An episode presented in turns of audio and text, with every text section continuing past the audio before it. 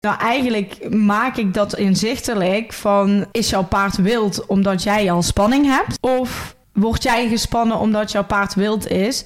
En ik heb er wel altijd wat trucjes en oefeningen voor om dat te verlagen. Zowel bij paard als, als ruiter. Hoi allemaal en superleuk dat jullie luisteren naar een nieuwe podcast. Ik zit vandaag weer met een gast en dat is Ilse. En Ilse ken ik van Instagram, is dat volgens mij gewoon. Ik heb ehm, een half jaar, ruim een half jaar geleden heb ik een oproepje gedaan op Instagram... omdat ik iemand wilde of iemand zocht, of dat nou een persoon was, een bedrijf was, een platform, een, nou, noem het op... die mij kon helpen met het verbeteren van de conditie van zowel Marley als van mij.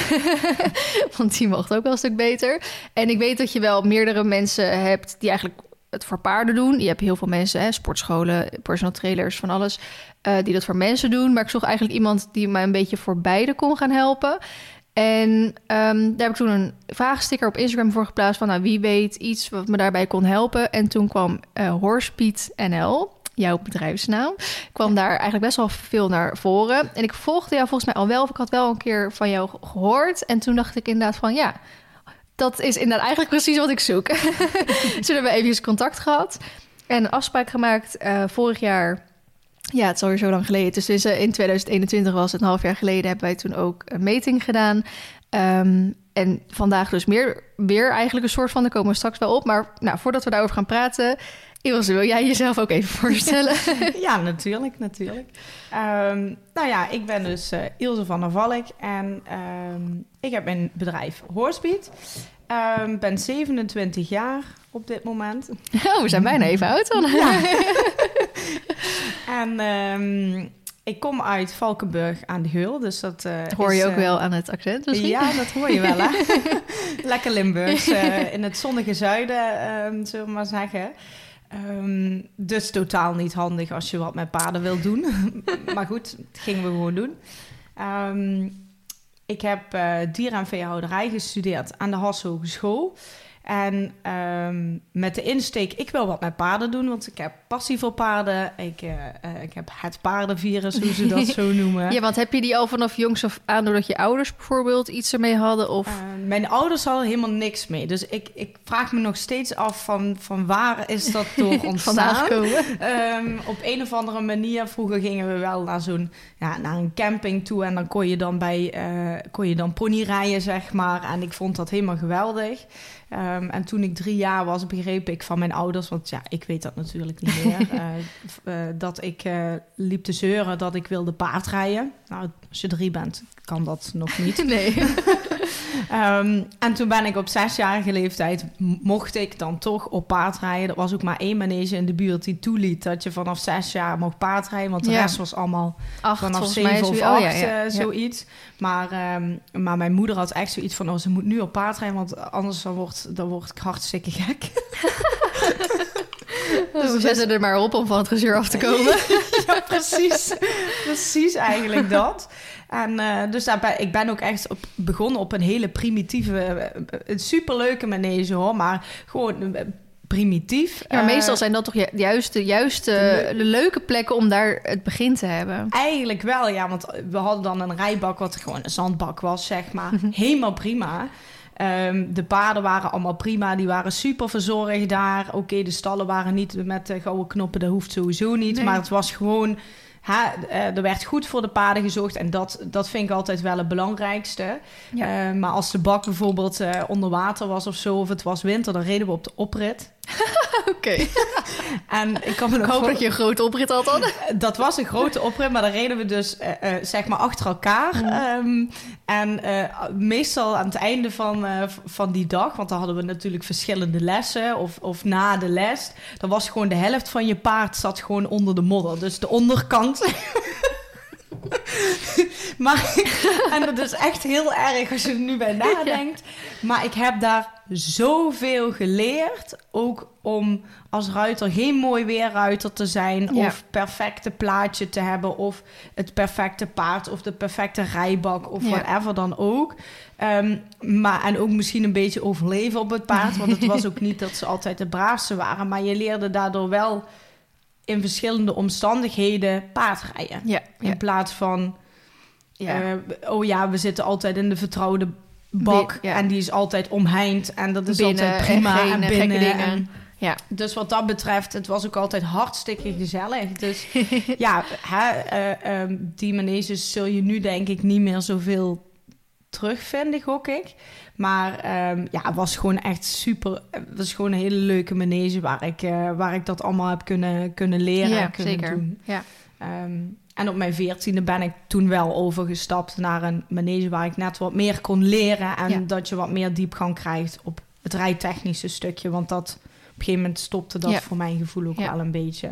Ja, herkenbaar. Um, ja. Dus, uh, ja, dus eigenlijk uh, ja, een grote passie voor paarden. En vanuit daar dus de keuze, ik ga naar de has toe. En is dat has Den Bosch? Ja, ik ben in Den Bosch inderdaad gaan. Nu heb je ook Venlo. Dus dat zou voor mij toen dichterbij zijn geweest. maar um, dat was toen nog niet. Dus hier mm. zei ik gaandeweg... Uh, um, ja, is dat uh, tot stand gekomen. Dus ik ben uh, naar Den Bosch toe gegaan. Mm -hmm. um, en daar heb ik ook op kamers gezeten. Dus niet oh, ja. helemaal in Limburg gewoond. nee, precies. En, en had je toen... Dat was dier- en veehouderij, zei je? Ja, klopt. Uh, was niet per se richting paarden? Nee, klopt, klopt. En um, ik heb dat bewust gekozen. Want ja, we weten allemaal... als je iets in de paarden wil doen moet je of van goede huizen komen of een goed, je moet geluk hebben. Een zak geld hebben of, of een zak geld of net wat. Kijk, ik heb mijn ouders al niet mee dat zij uh, ook in de paarden zitten. Dus ja, vanuit helemaal mezelf uh, moet ik het doen. Hè? Heb ik het nog steeds, doe ik het natuurlijk nog steeds. Um, dus ik had zoiets, ik wil me wel ja, indekken of zo. Van als de paarden niks worden, dan, kan, ik me, dan kan ik wel ja. zeg maar richting een veehouderij bijvoorbeeld ja. oh, gaan. want uiteindelijk ja, ik bedoel, ik heb ook twee konijnen. Die vind ik, dat zijn echt mijn schatjes.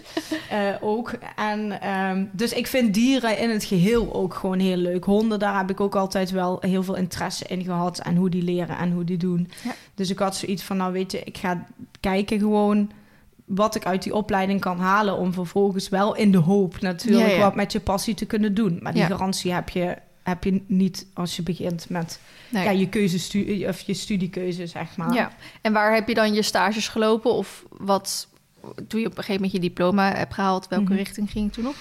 Um, ik heb uh, verschillende stages gelopen, want ik moet wel eerlijk bekennen dat ik heel veel projecten op veehouderij bewust heb gedaan.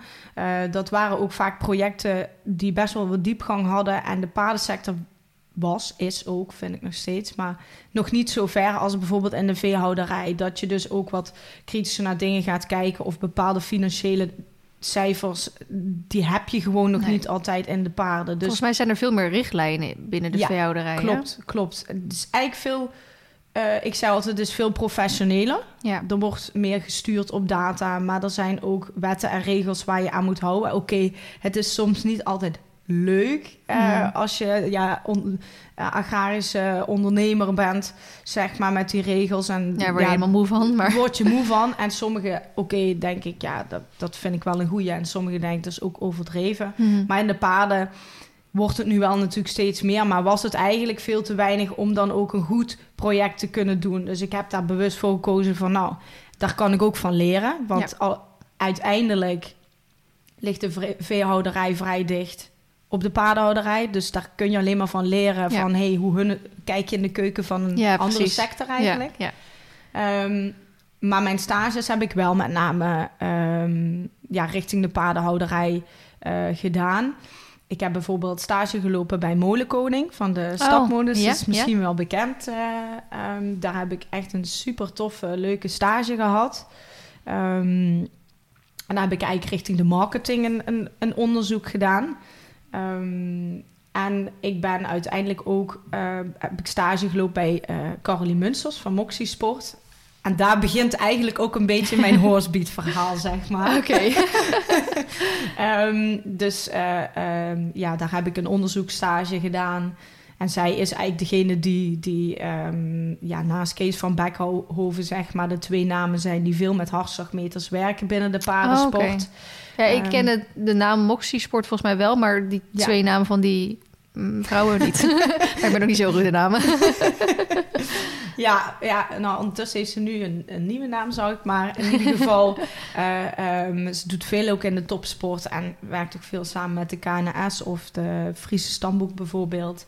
Um, en Kees van Beckhoven is dan ietsje, die, die, ja, die is al, al wat ouder, maar die heeft ook al heel wat uh, ervaring, kennis en kunde achter zich. Dus uh, um, ja, het is leuk om van hun beiden nu op dit moment ook uh, zeg maar te, te kunnen leren of te hebben geleerd. Ja. Um, en daarnaast, ja, wij, we moesten dan twee onderzoekstages doen en we moesten één, ja, periferie noemen ze dat, maar dat is gewoon een meewerkstage. Oh, dat je gewoon eigenlijk in een bedrijf meedraait. Um, om ook gewoon ja, zeg maar op de vloer uh, zo gezegd te ervaren van hoe is een bedrijf. Want het is natuurlijk heel uh, bedrijfskundig, mm -hmm. de opleiding zelf. Um, en toen heb ik uh, stage lopen in Ierland, want dat moest in het buitenland. ik zie jou met je ogen rollen, maar... ik heb, ja, ik... Ierland is natuurlijk niet... Hè, er zijn heel veel mensen die zijn naar Amerika gegaan... of oh, Canada zo, ja. gegaan. Ja. En, en ik ben naar Ierland toe gegaan.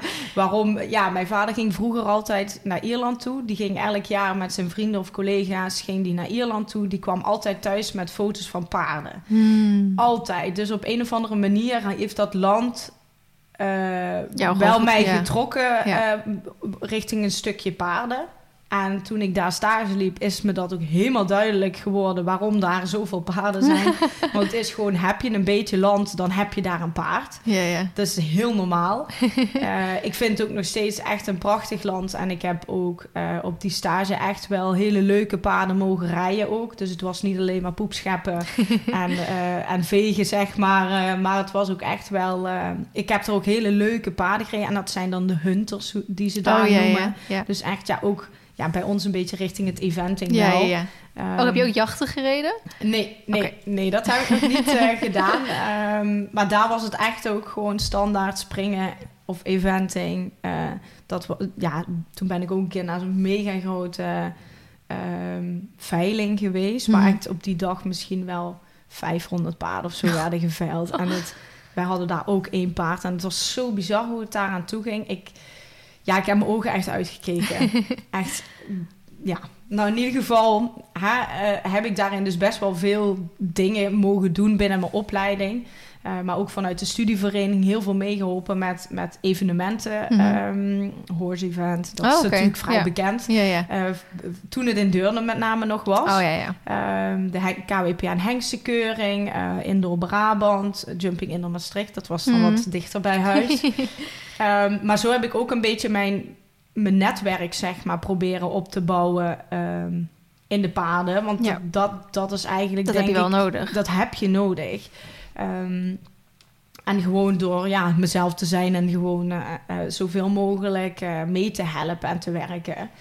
Um, ja, dus, dus ik heb veel richting de paarden gedaan, maar ook, Ook het ook weer ja, niet, niet. altijd.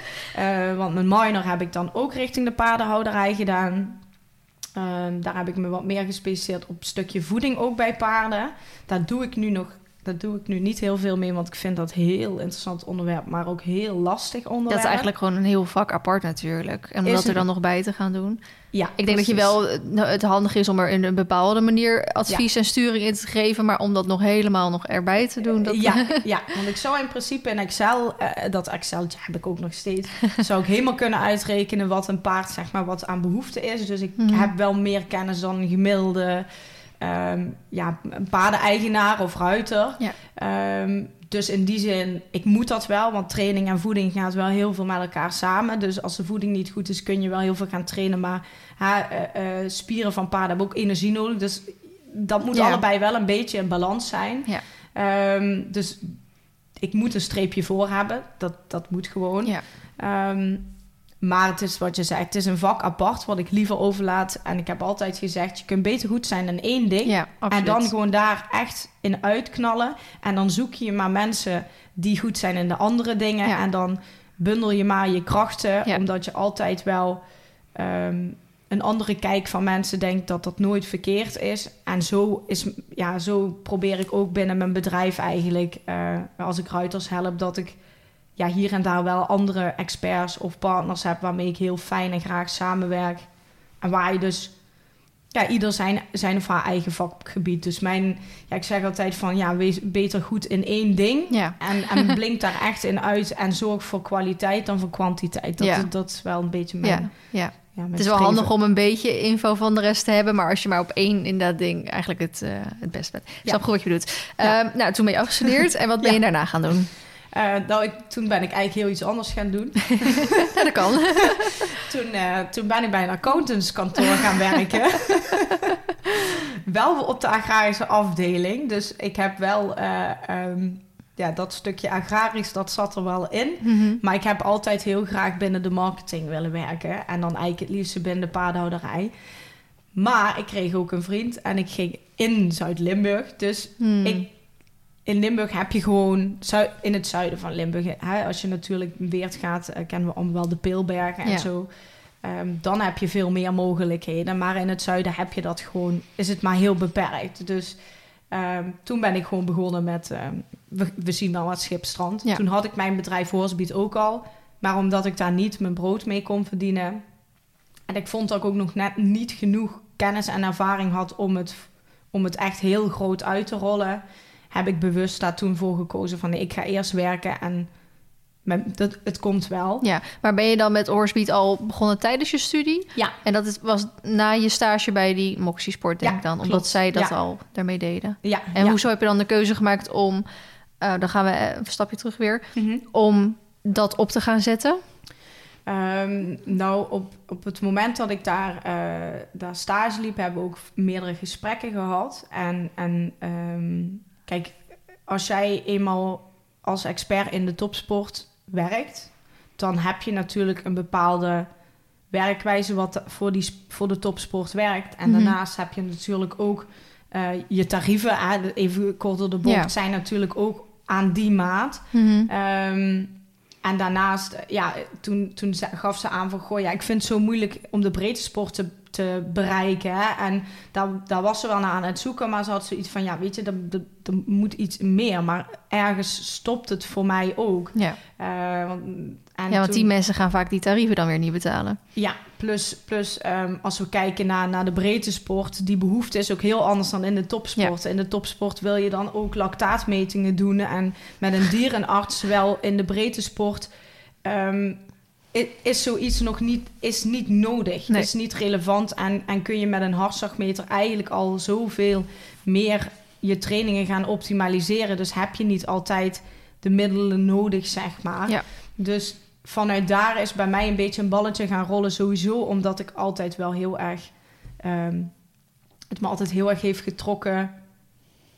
Hoe train je nou elk individueel paard Hmm. op de juiste manier? Want elk paard is natuurlijk anders. Ja. Ik reed ook toen op dat moment heel veel paarden voor andere mensen. Dus ik, ik had geen eigen paard op dat moment. Nu ondertussen natuurlijk wel. Maar eh, ehm, dan ga je daar ook over nadenken. Omdat je continu aan het aanpassen bent. Een andere training, een andere manier. En daar zit natuurlijk een stuk rijtechnisch. Maar er is ook een heel groot stuk aan fysieke training.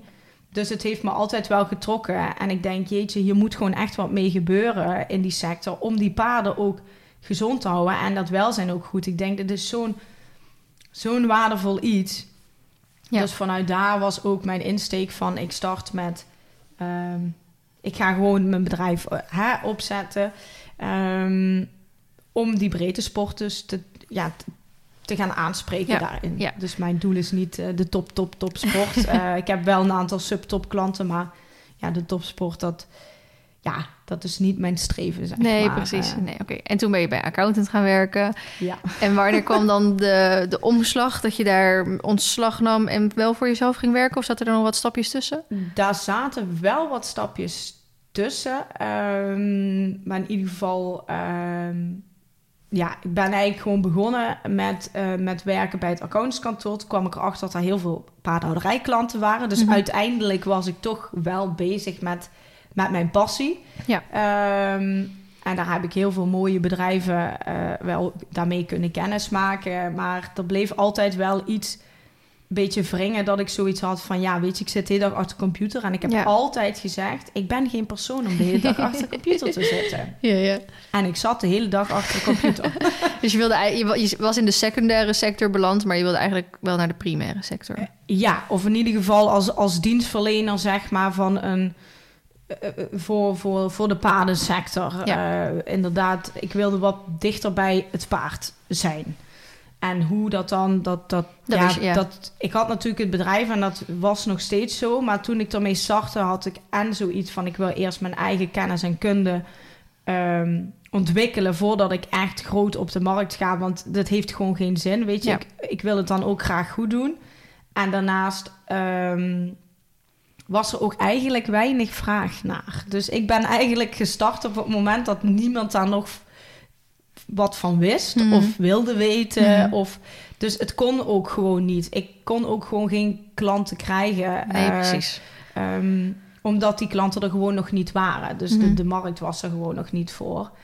Maar dat begon op een gegeven moment wel. Want toen kregen we natuurlijk ook zo'n... zo'n de, de saddle clip, zeg maar. Die kennen Ja. ook heel veel Ja, mensen. klopt. Dus dan kreeg je ook weer data. En dat werd op een iets laagdrempeligere manier eh, in de markt gezet. En nou ja, dan gingen mensen wel nadenken... Hey, als ik wat doe meten, dan krijg ik data. En Ja. daar kan ik dan wat mee doen. Ja, ja, laagdrempelig. Je moet altijd wel 100, nee, 250 of zo. Je moet er wel... Ja, Het maar een investering. Ja, een hartslagmeter is duurder. Dus eh, wat dat betreft... Ja, eh, maar ik ben wel goedkoper in dit. maar ja, en dan heb je natuurlijk data en, dan en dan. Ja. Ehm, maar zodoende dat er natuurlijk steeds meer ook werd gehamerd op gezondheid van paardenwelzijn. Er wordt ook steeds meer bekend, meer eh, onderzoeken worden gedaan. Dus Ja.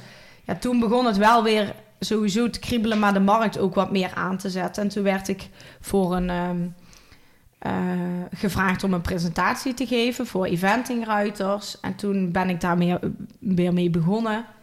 En toen eigenlijk vanuit daar ook echt dat ik dacht... oké, nu ga ik ook een hele nieuwe start maken. Een nieuw logo, alles, nieuw website, even alles up-to-date maken. En, en, en dan gaan we, we gaan er gewoon voor. En wanneer was dit moment? Ik denk dat het ongeveer... Ja, wat zal het zijn geweest? Drie jaar geleden zoiets. Drie- de- Net voor corona dan? Of... Nee, ja, dan, of dan is het misschien... te- ja, drie, vier jaar geleden. Zeg zoiets eh, om en nabij. Mhm. ehm, ehm, vrij kort nadat ik wel weer was begonnen met werken, zeg Ja. maar. eh, ehm, de, dus toch wel ruim voor, eh, voor corona. Ah, oké, ja, ja, ja.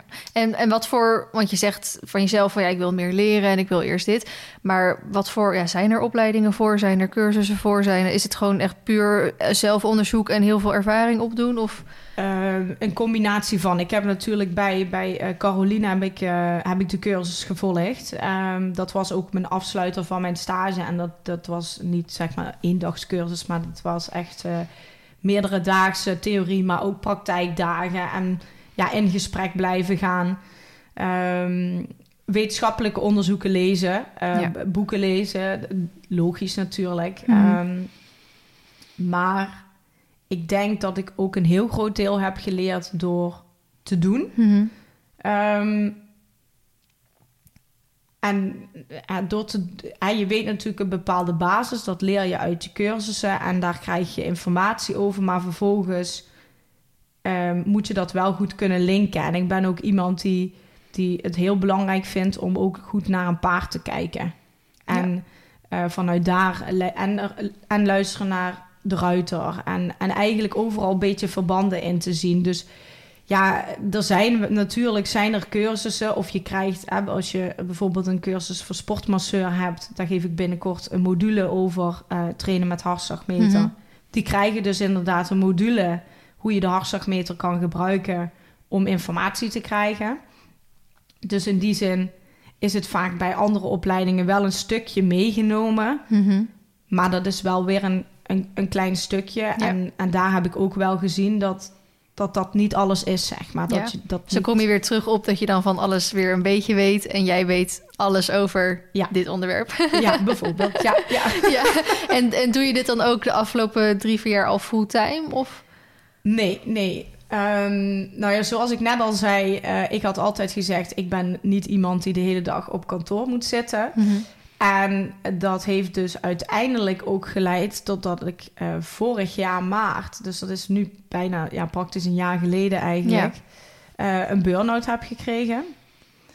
Ik ging namelijk veel meer voor Horsby doen, want het werd ook veel drukker. Uh, maar ik vond het ook leuker. Ik haalde daarmee energie uit. Dus je gaat indirect ga je meer dingen doen waar je positieve energie van krijgt. Mm en uh, um, toen ben ik dus uitgevallen. En dan ga je nadenken, zegt de bedrijfsarts... Oh, je moet wat dingen doen waar je, wat je leuk vindt... waar je positieve energie van krijgt. Toen ben ik ja, eigenlijk met, met Horsebeat... Uh, dacht ik, oh, dan ga ik dat doen. Ja. Want, en dan wel in de buurt en niet meteen weer verder weg... met veel autoritten, want dat kost weer extra energie. Ja.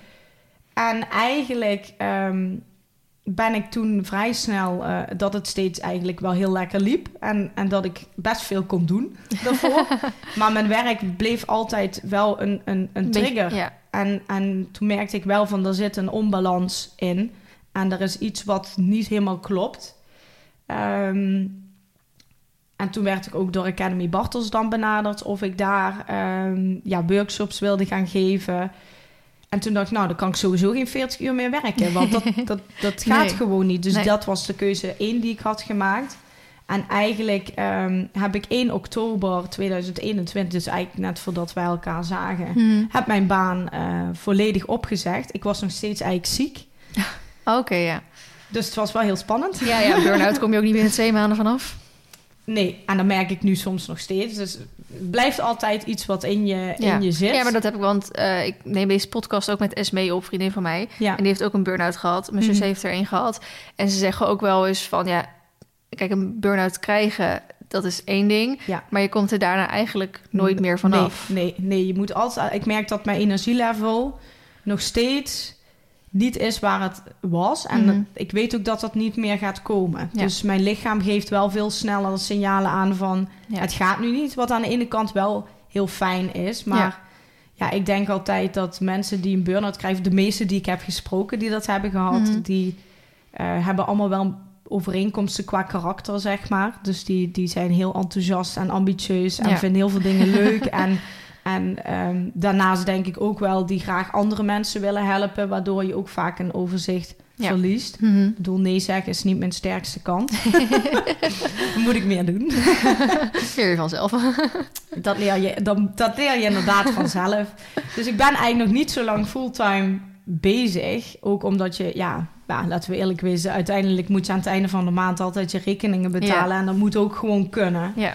Ehm, maar ik, ehm, ja, ik kon gewoon ook niet meer fulltime er iets anders gaan doen. Nee. Dus ik moest wel, zeg Ja. maar. Ja. Ehm, omdat ik dat ook leuker vind. Ja. vind natuurlijk. Nou, ik vond het eh, voor nu heel interessanter om het, hoe het tot stand is gekomen. Maar ik denk, want we hebben het eh, hier en daar wat over een hartslagmeter gehad en over conditie en dat. Maar ik, voor mensen die jou echt niet kennen of jou echt niet volgen, die zitten denk ik met best wel veel vraagtekens nog. Maar, maar hoe werkt dat dan? En, en wat heb je daarvoor nodig? En hoe ziet dat eruit en zo?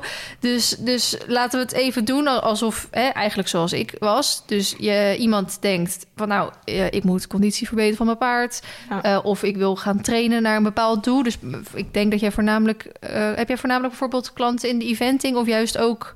Heel, nou, eh, klinkt heel gek, maar het grootste gedeelte van mijn klanten zijn dressuurruiters. Oh, oké. Oké. Ja, dat, nou ja, ik denk, maar ik wil niet iedereen nu eh, op de tenen trappen die dressuurruiter is. Ja. Maar ehm, over het algemeen zijn dat wel mensen die het perfect willen doen, Ja, perfectionisten. precies. Ja. En daar hoort ook conditie van je paard natuurlijk. ja.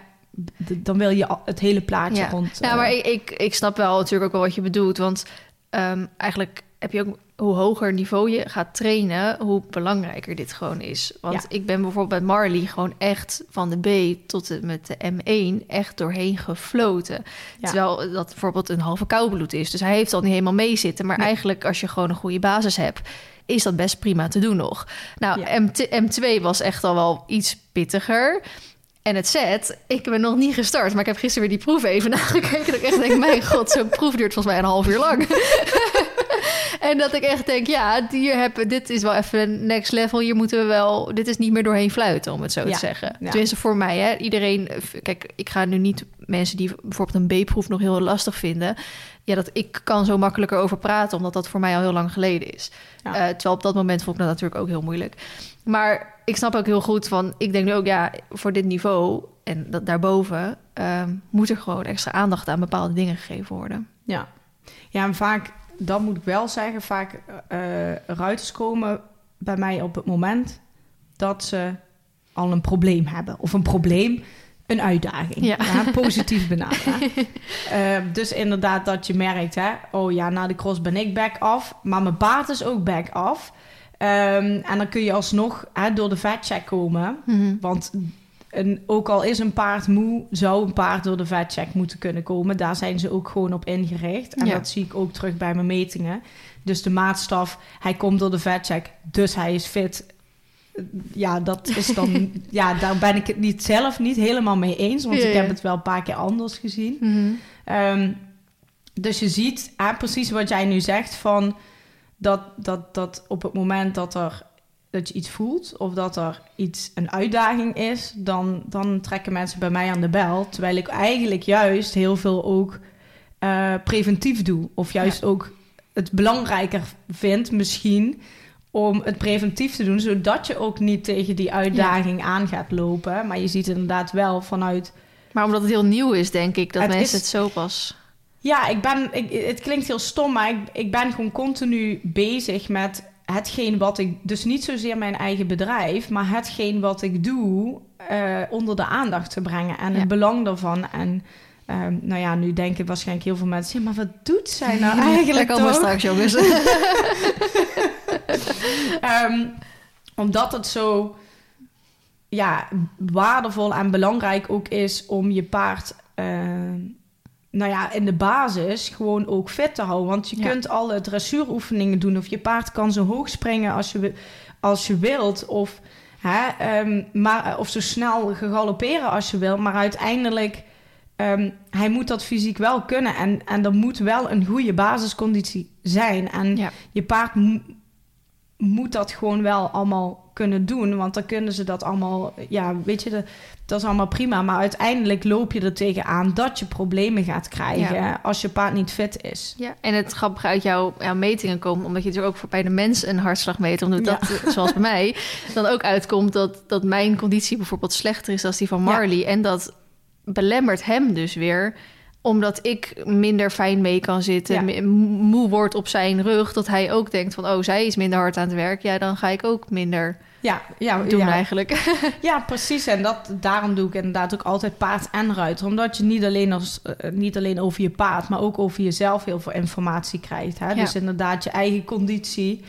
Um, maar daarnaast ook, hè, je hebt misschien je eigen spanning of slechte ademhaling. Dat zijn ook allemaal dingen die natuurlijk meespelen bij een ruiter, wat ik vaak tegenkom. Dus ja, het is een combinatie natuurlijk van aan. Uh, ik focus me grotendeels wel op het paard. Uh, maar de ruiter neem ik ook altijd mee in het verhaal. Want je, ja. ik je kan ze niet los van elkaar zien. Ja, plus je bent zo zwak als je zwakste schakel. En als jij zwak bent en jouw paard is topfit... ja, dat is hartstikke leuk... maar dan ga je nog ergens tegen de lamp aanlopen... omdat dat jij niet meegaat met je paard. Dus uh, je bent een team, hè? Uh, je bent een team samen en... Uh, en dan moet je daar ook uh, samen wat aan doen, zeg ja, maar. Ja, precies. um, maar dan nou, klop ik dus bij jou aan van Ilse, ik wil we dit gaan verbeteren. Wat, wat zeg jij dan tegen diegene of wat voor uh, opties bied jij aan? Of... nou, allereerst, um, kijk, is het altijd mogelijk um, om gewoon een losse hartslagmeting in te plannen.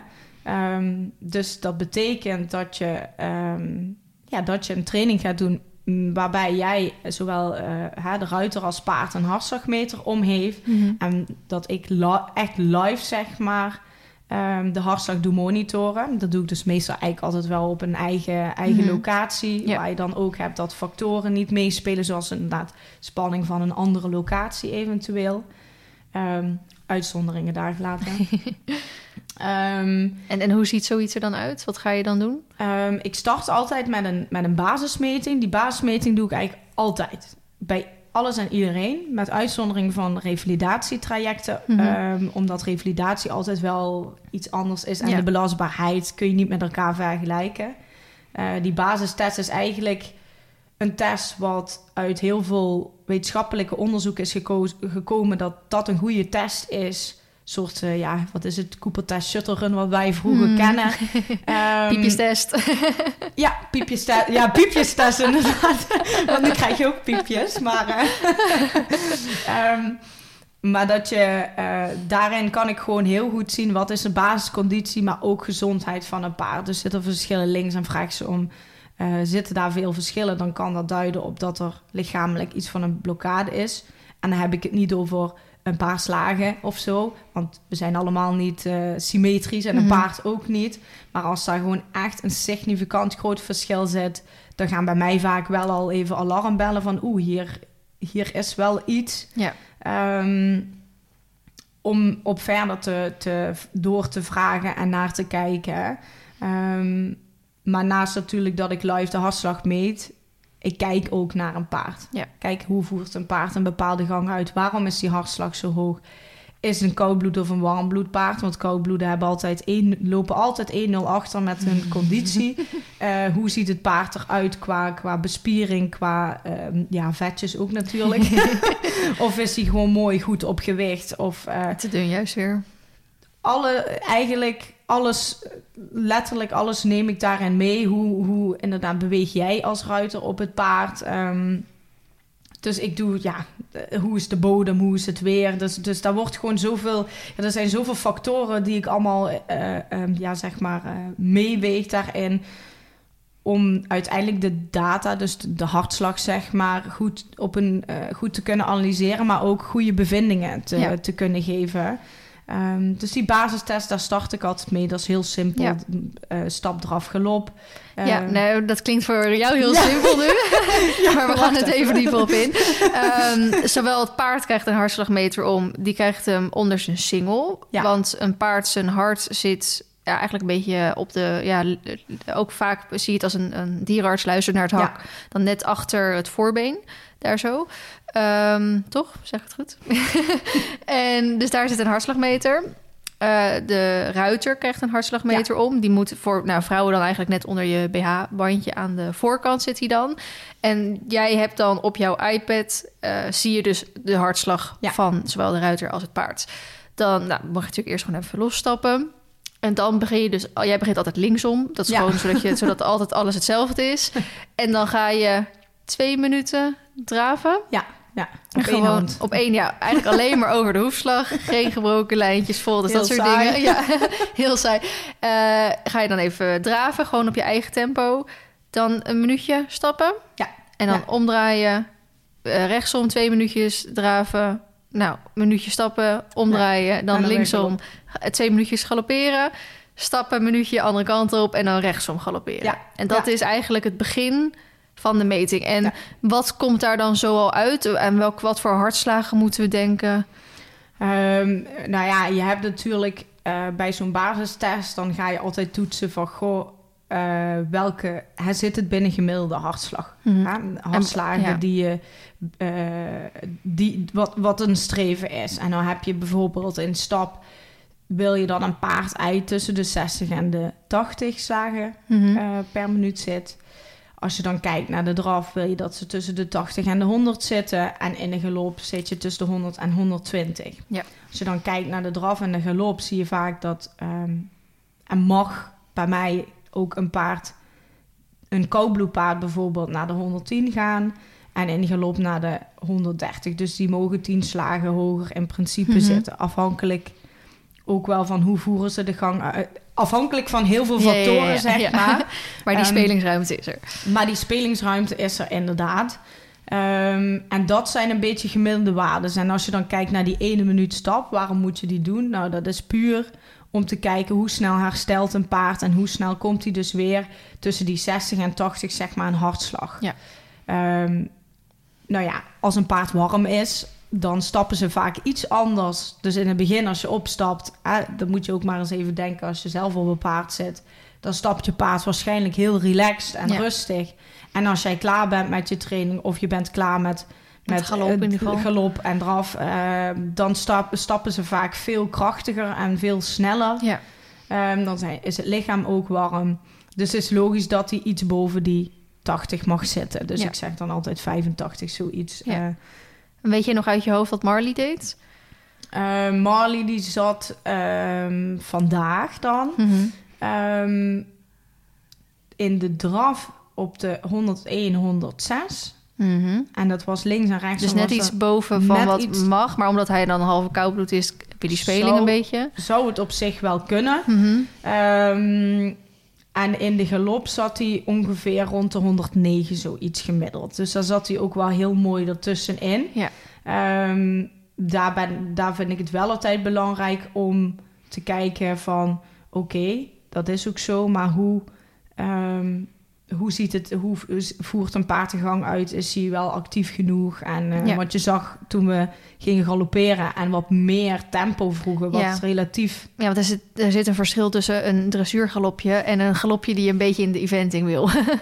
ja, ja, ja, precies, precies. Dus daar zijn natuurlijk wel heel veel verschillen in. Dus, dus daar zijn zo factoren wat ik daarin natuurlijk afweeg om te zeggen: ja. oh, deze ho hoge hartslag is omdat je paard niet fit is. Want dat hoeft niet altijd zo te zijn. Er Nee. zijn natuurlijk altijd factoren die meespelen. En waarschijnlijk als ik jou en Marley eh, had gemeten vorige week met eh, waarschijnlijk 10 graden Ja. warmer, Ja, ja. ehm, dan waren jullie hartslagen ook heel veel anders dan dat het nu is. Ja. Dus ja, Nu was het een, een, een mistig eh, ochtendje. Ja.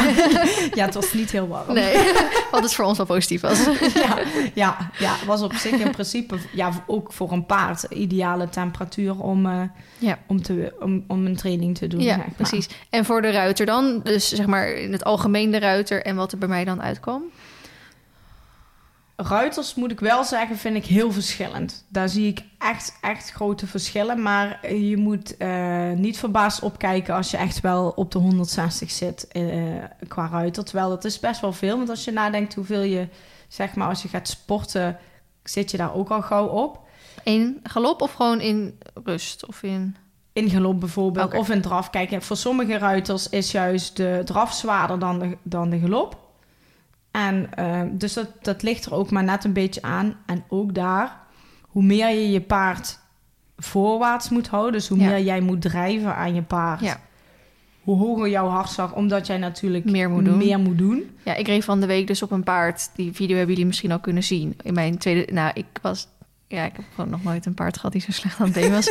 ik was in 10 minuten helemaal back af. dus en bij Marley, die is ook al niet voorwaarts van zichzelf, maar eh, wel al, die reageert gewoon als ik Ja. zeg kom op. Eh, maar je hebt ook paarden die lopen gewoon. En daar hoef je eigenlijk echt alleen Ja. maar op mee te liften. Ja, ja. En dan maakt het ook nog wel verschil uit hoeveel paarden je van nature zeg maar al rijdt zelf. Ja. Hè? Want eh, ik heb ook natuurlijk ruiters gemeten die, die gewoon eh, eh, dagelijks eh zes tot acht paarden Ja, rijden. ja. Ja, die hartslag is ook al wel veel beter. Ja, ik rijd twee keer in de week. En, Ja, dus dat, dat... Kijk, er zijn natuurlijk ook weer allemaal factoren die meespelen. Maar je ziet over het algemeen dat ruiters toch stiekem best wel heel erg hoog zitten. Mhm. Ehm, maar dat heeft ook vaak te maken met een slechte ademhaling. Want als je als ruiter focust, er zijn heel veel die vergeten dan Ja. spontaan te ja, ademhalen. nee, daar heb ik ook echt last van, ja. En dan heb je gewoon een hogere hartslag. Dat is bij paarden daarentegen niet een relatie, eh, ademhaling versus hartslag. Mhm. Dat is bij mensen dan dus weer wel. Ehm, maar ja, jouw hartslag zat in, in draf al rond de 160, zeg maar. En die ging in de galop, eh, eh, zat hij rond de 170. Ehm, maar toen we nog harder gingen galopperen, toen ging je toch wel naar 180, 188 max. eh. Was het niet toen- de vorige keer op die galopbaan dat ik echt bijna richting Ja. de 200 ging of zo? ja, ja, toen was het ook dat je vijf rondes had. En toen zei je volgens mij na de tweede ronde... Eigenlijk kan ik niet meer. Ik begon helemaal te verzuren. ja, je hartslag eh, geeft het ook al aan. Ja, ja, toen zat je volgens mij echt op de 190. eh, en even voorstelling, je maximale hartslag is 220 minus je leeftijd. Dus dan zit je eigenlijk toch al wel Oh, aardig eh, Ja. aan je max dan. ja. wow, maar wat, wat betekent dat? Ja, kijk, behalve dat ik een slechte conditie heb, maar wat betekent dit nou? Ja, in feite betekent het natuurlijk sowieso dat, dat jij je paard ook gigantisch in de weg gaat zitten. Ja. Ehm, ehm, ook de galoptraining die, we dan, die ik dan zou adviseren, daar Mhm. weet ik, dat is voor jou eigenlijk ook praktisch een workout. Want Ja. jij zit ook gewoon hoog in die hartslag. Dus naast het feit dat, dat het een, een, een training voor, voor jouw paard is, een intensieve trainingsprikkel, zeg maar, is, is, het, is dat het ook voor jouzelf. Ja. Ehm, en daar word je natuurlijk alleen maar beter door. Maar als ruiter weet je bij dit soort dingen van ik moet naast het paardrijden ook wel iets aan mijn conditie doen om ervoor te zorgen dat ik, dat ik makkelijker kan paardrijden. Ja, ja. En je hebt natuurlijk altijd, als je paard fitter voelt, zijn ze meestal ook wel iets meer voorwaarts dan, ehm, dan wanneer een paard niet fit is. hè. Mhm. Dus een paard wat moe wordt, die moet, dat is logisch dat je die continu achter de veren aan moet zitten van, nou ga je nu nog naar voren. Ja, ja. Dus het heeft allemaal met elkaar eh, te maken. Hè? Ja, ja. Ehm, En we hebben toen eh vorig een half jaar geleden hebben we natuurlijk ook over op de renbaan eh, gezeten. Ja. je hebt natuurlijk niet iedereen heeft een renbaan, ik ook niet. Maar Nee. eh, bijvoorbeeld de Schalm zijn we naartoe geweest, die heeft wel een renbaan. En daar doe je dan weer een andere soort of extra meting, of hoe zie ik dat? Dat is inderdaad een extra meting. Want stel ik kom bij mensen op locatie, dan begin ik inderdaad dus bij die, met die basismeting. En vervolgens laat ik ruiters gewoon een training rijden die ze normaal ook doen. En voor de dressuur is dat natuurlijk een standaard dressuurtraining. Mhm. En voor het springen gaan we dan eerder zoeken naar, eh, gaan we dan een springtraining doen. Ja. Daarbij zeg ik meestal altijd wel van zoek een grens op. Dus, dus eh, ga een training doen wat jij vindt en zegt dat zwaar is voor je paard. Of Mhm. zoek moeilijke dingen op. En natuurlijk van tevoren bespreken we wat wil je graag weten. En op basis daarvan deel ik een soort van meting eigenlijk samen met jou in. Dus dat is niet altijd eh, van ik bepaal wat je moet doen en je gaat dat doen. Ehm, maar afhankelijk daarvan, hè, als je dan ook bijvoorbeeld kijkt bij een meting voor, eh, voor een dressuurpaard, ja, daar, daar ehm, zie ik heel vaak dat het eigenlijk geen zware training is. Dus dat betekent dat ik het tweede, ja, het laatste stukje van de meting, dat ik dan nog bepaalde oefeningen geef aan een ruiter om te doen en Ja. uit te voeren. Om die hartslag wat hoger te krijgen, zodat je ook weet, nou, dit is dan een zware trainingsprikkel, wat ook functioneel straks werkt voor mijn proeven te rijden. Ja, ja. Want soms Ehm, denkt een ruiter dan, oh, dit is heel zwaar, terwijl het eigenlijk helemaal niet zwaar was. Ja. Juist. En soms is het voor de ruiter wel zwaar en voor een paard dan niet. Maar Mhm. in sommige gevallen is het ook iets wat een beetje tussen de oren zit. Wat we van vroeger hebben bedacht. Ja, maar dit is zwaar, zoals een piaf of een passage. Mhm. Dat dat zwaar zou zijn, maar dat hoeft eigenlijk helemaal niet. Of hè, dat, een, dat wijken zwaarder is dan een arbeidsdraf. Dat is ook eigenlijk niet zo. Vaak zie je dat juist in het wijken, als een paard dat natuurlijk vaker ook heeft gedaan, dat de hartslag juist zakt in plaats van dat hij hoger gaat. Dus Ja. dat het niet echt zwaarder is. Dus, ehm, dus vandaar dat ik altijd wel ehm, de meting bepaal op basis van wat er eigenlijk. Ja. Wat, wa- ja, ik ga een beetje met die flow mee, zeg maar. Maar Ja. ook wat wil de ruiter weten? Want ik vind het belangrijk dat, eh, dat ruiters wel uit de meting halen wat ze graag eruit willen halen. En als het bij voorhand al iets is waarvan ik denk, ja, het is hartstikke leuk dat je die verwachting hebt, maar niemand gaat die verwachting eh, voldoen. Dat, dat kan niet, of niet in één meting, want Mhm. dat kan soms ook, hè. Dan ben ik daar ook wel eerlijk in, maar daar ben ik ook bij voorhand al eerlijk in van, Ja. Ik snap het, maar dat kun je niet met één keer zeggen, bijvoorbeeld. Nee, nee, precies. Het blijft natuurlijk altijd een momentopname en je kunt niet, ja, je kunt niet alles in één meting stoppen, want dan is je paard waarschijnlijk aan het einde moe en dan wil je nog Is het niet iets, meer betrouwbaar is het niet meer betrouwbaar. Nee, dus dat, precies. dat vind ik wel heel belangrijk. Ehm, En krijg je dan, ehm, heb je, zeg maar, bied je aan dat je gewoon dus inderdaad alleen zo'n meting kan doen? Of is dat dan vaak wel in combinatie met inderdaad een trainingsplan en daarna nog een maandelijkse ja, update of iets? Ehm, eigenlijk wat ik het meeste doe zijn de begeleidingstrajecten. Dat zijn intensieve begeleidingstrajecten. Die bestaan uit drie maanden, zes maanden of een, of een jaar. Daarin kun je dus zelf eigenlijk kiezen wat je wilt. Maar vaak ben ik wel iemand, of de meeste mensen vragen mij wel om advies naar aanleiding van een meting. Van ja, wat, wat zou je dan adviseren? Of naar aanleiding van een kennismaking, een telefonische kennismaking die ik dan met iemand heb gehad Mhm. krijg ik ook een beter beeld van wat is de situatie, wat zijn de doelen en hoe, hoe realistisch is dat om het bijvoorbeeld in drie maanden te kunnen doen of in, Ja. in zes maanden. Ehm, kijk, een jaartraject is eigenlijk een traject wat wordt afgenomen door mensen die gewoon zeggen van nou, ik wil gewoon standaard die begeleiding hebben en houden Mhm. ehm, om het goed te blijven doen voor mijn paard. En ehm, niet dat ik het even kort doe en dan weer los wordt gelaten, bij wijze van spreken. En misschien dan weer tegen dingen aanloop. Want het blijft een continu proces natuurlijk. Het is niet dat je na, ja, na drie, drie maanden of na zes maanden... Uh, dat je dan voor de rest van, uh, van het leven van een paard, zeg maar... uh, je paard fit hebt natuurlijk. Want het blijft altijd een, een, een, een, proces.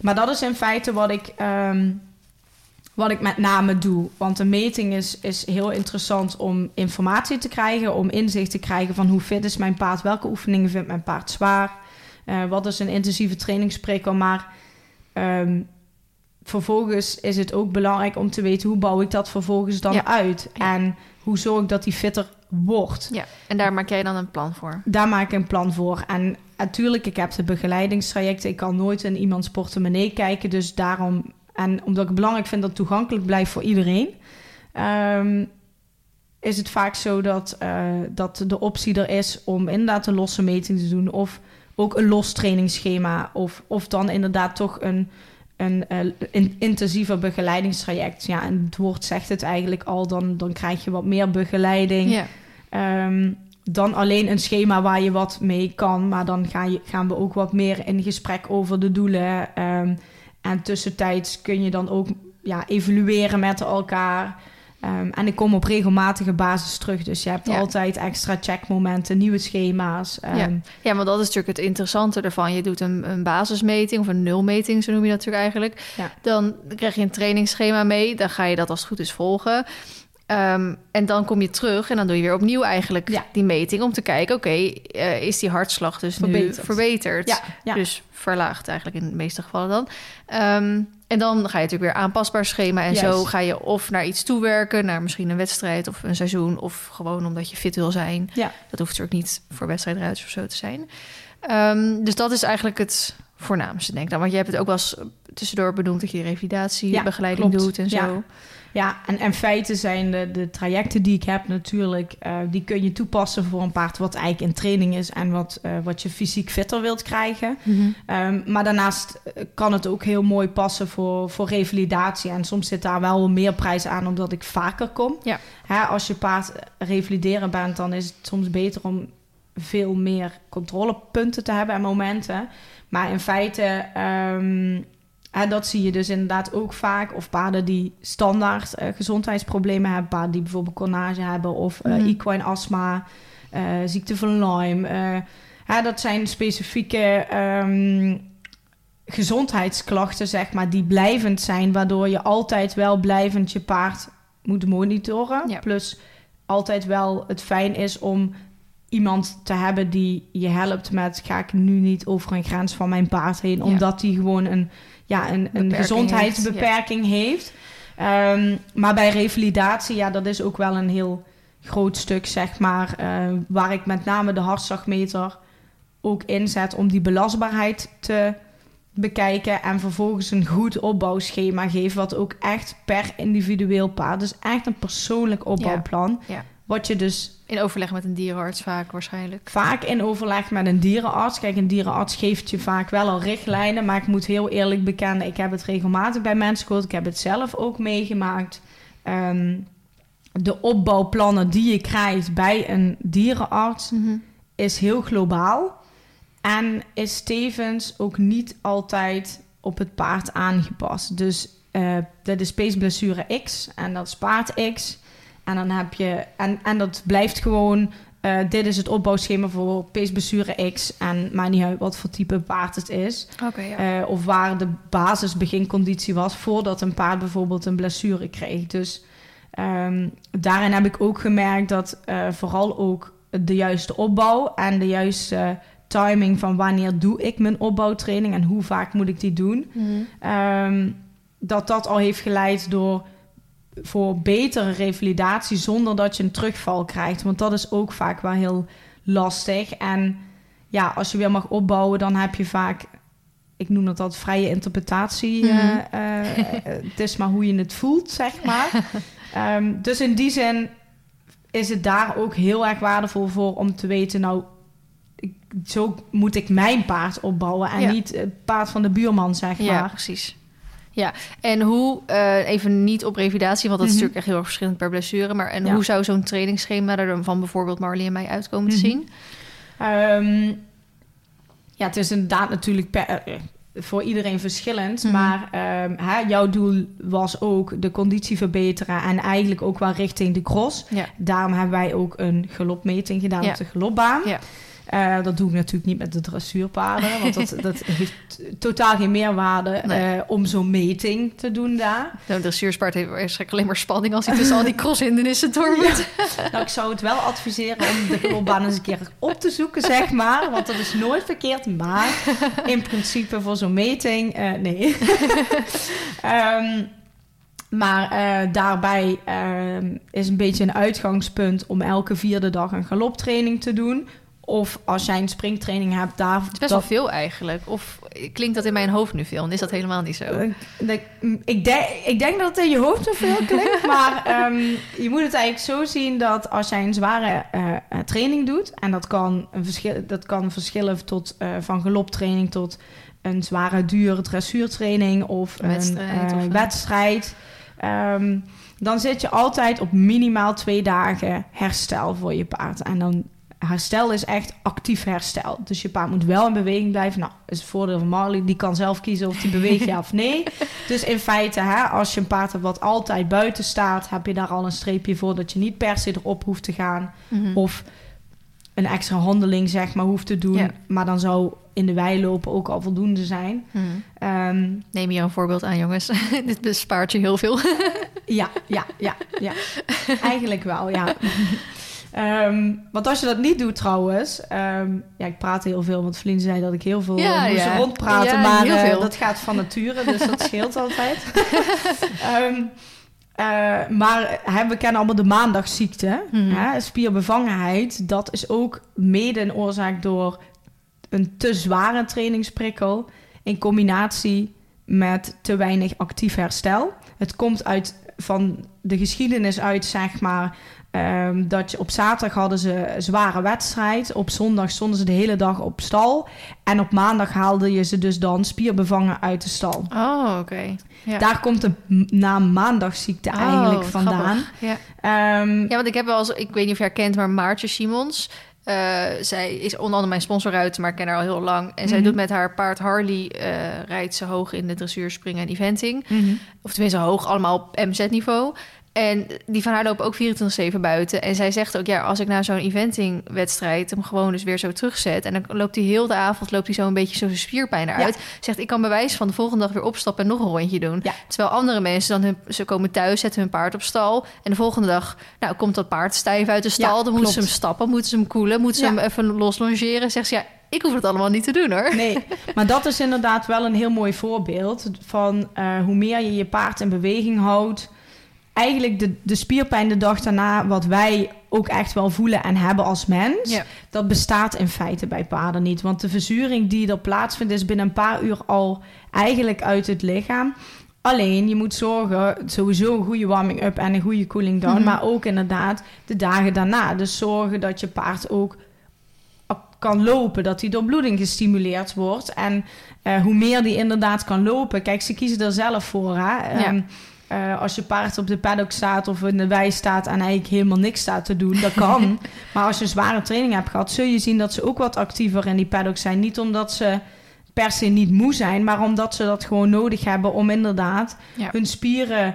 Um, ja, om, om die doorbloeding te stimuleren. En daar kiezen ze dan natuurlijk zelf voor. En ik zeg niet dat iedereen 24-7 een paard per se buiten moet hmm. hebben, want dat is soms niet mogelijk. Nee. Maar wel dat je je paard echt voldoende beweging geeft. Al ga je na een crosswedstrijd en je komt thuis, ga je met ze wandelen of in de stapmolen. Want ja, ik heb een luxe probleem dat ik stapmolen heb. Maar daardoor merk ik ook dat mijn paard gewoon veel beter loopt. Omdat hij gewoon goed, dat er gewoon veel beweging in zit. Um, en dat is gewoon enorm belangrijk. Dat, Daar hamer ik ook altijd wel heel erg op. Van zorg dat ze wel die dagen daarna in beweging blijven. Ja. Um, terug naar het trainingsschema. Terug naar het trainingsschema. nou, twee dagen herstel uh, als je één intensieve training hebt gedaan. Mm -hmm. Maar bij uh, bijvoorbeeld een springtraining, galoptraining of een wedstrijd. Uh, en dan heb ik het even over, niet over een, een crosswedstrijd, maar dan heb ik het even gewoon over een, een ja, gewone of, um, dressuurwedstrijd of springwedstrijd. Ja, Eventing is natuurlijk ook weer drie, uh, is het dressuur springen, dat is wel weer anders. Ja. Ehm, daar zeg, zeg, ik altijd van hou minimaal drie dagen aan, omdat er altijd wat meer schade optreedt. En we hebben natuurlijk niet alleen te maken met lichamelijke belasting. Ja, dus dus je, ja, je kent eigenlijk drie soorten belasting. En belasting 1 is, uh, uh, noem het even, fysieke belasting. Dus cardiovasculair, hoge hartslag. Dus zware training ook echt op, op hartslag. Mm waar gewoon verzuring bij plaatsvindt.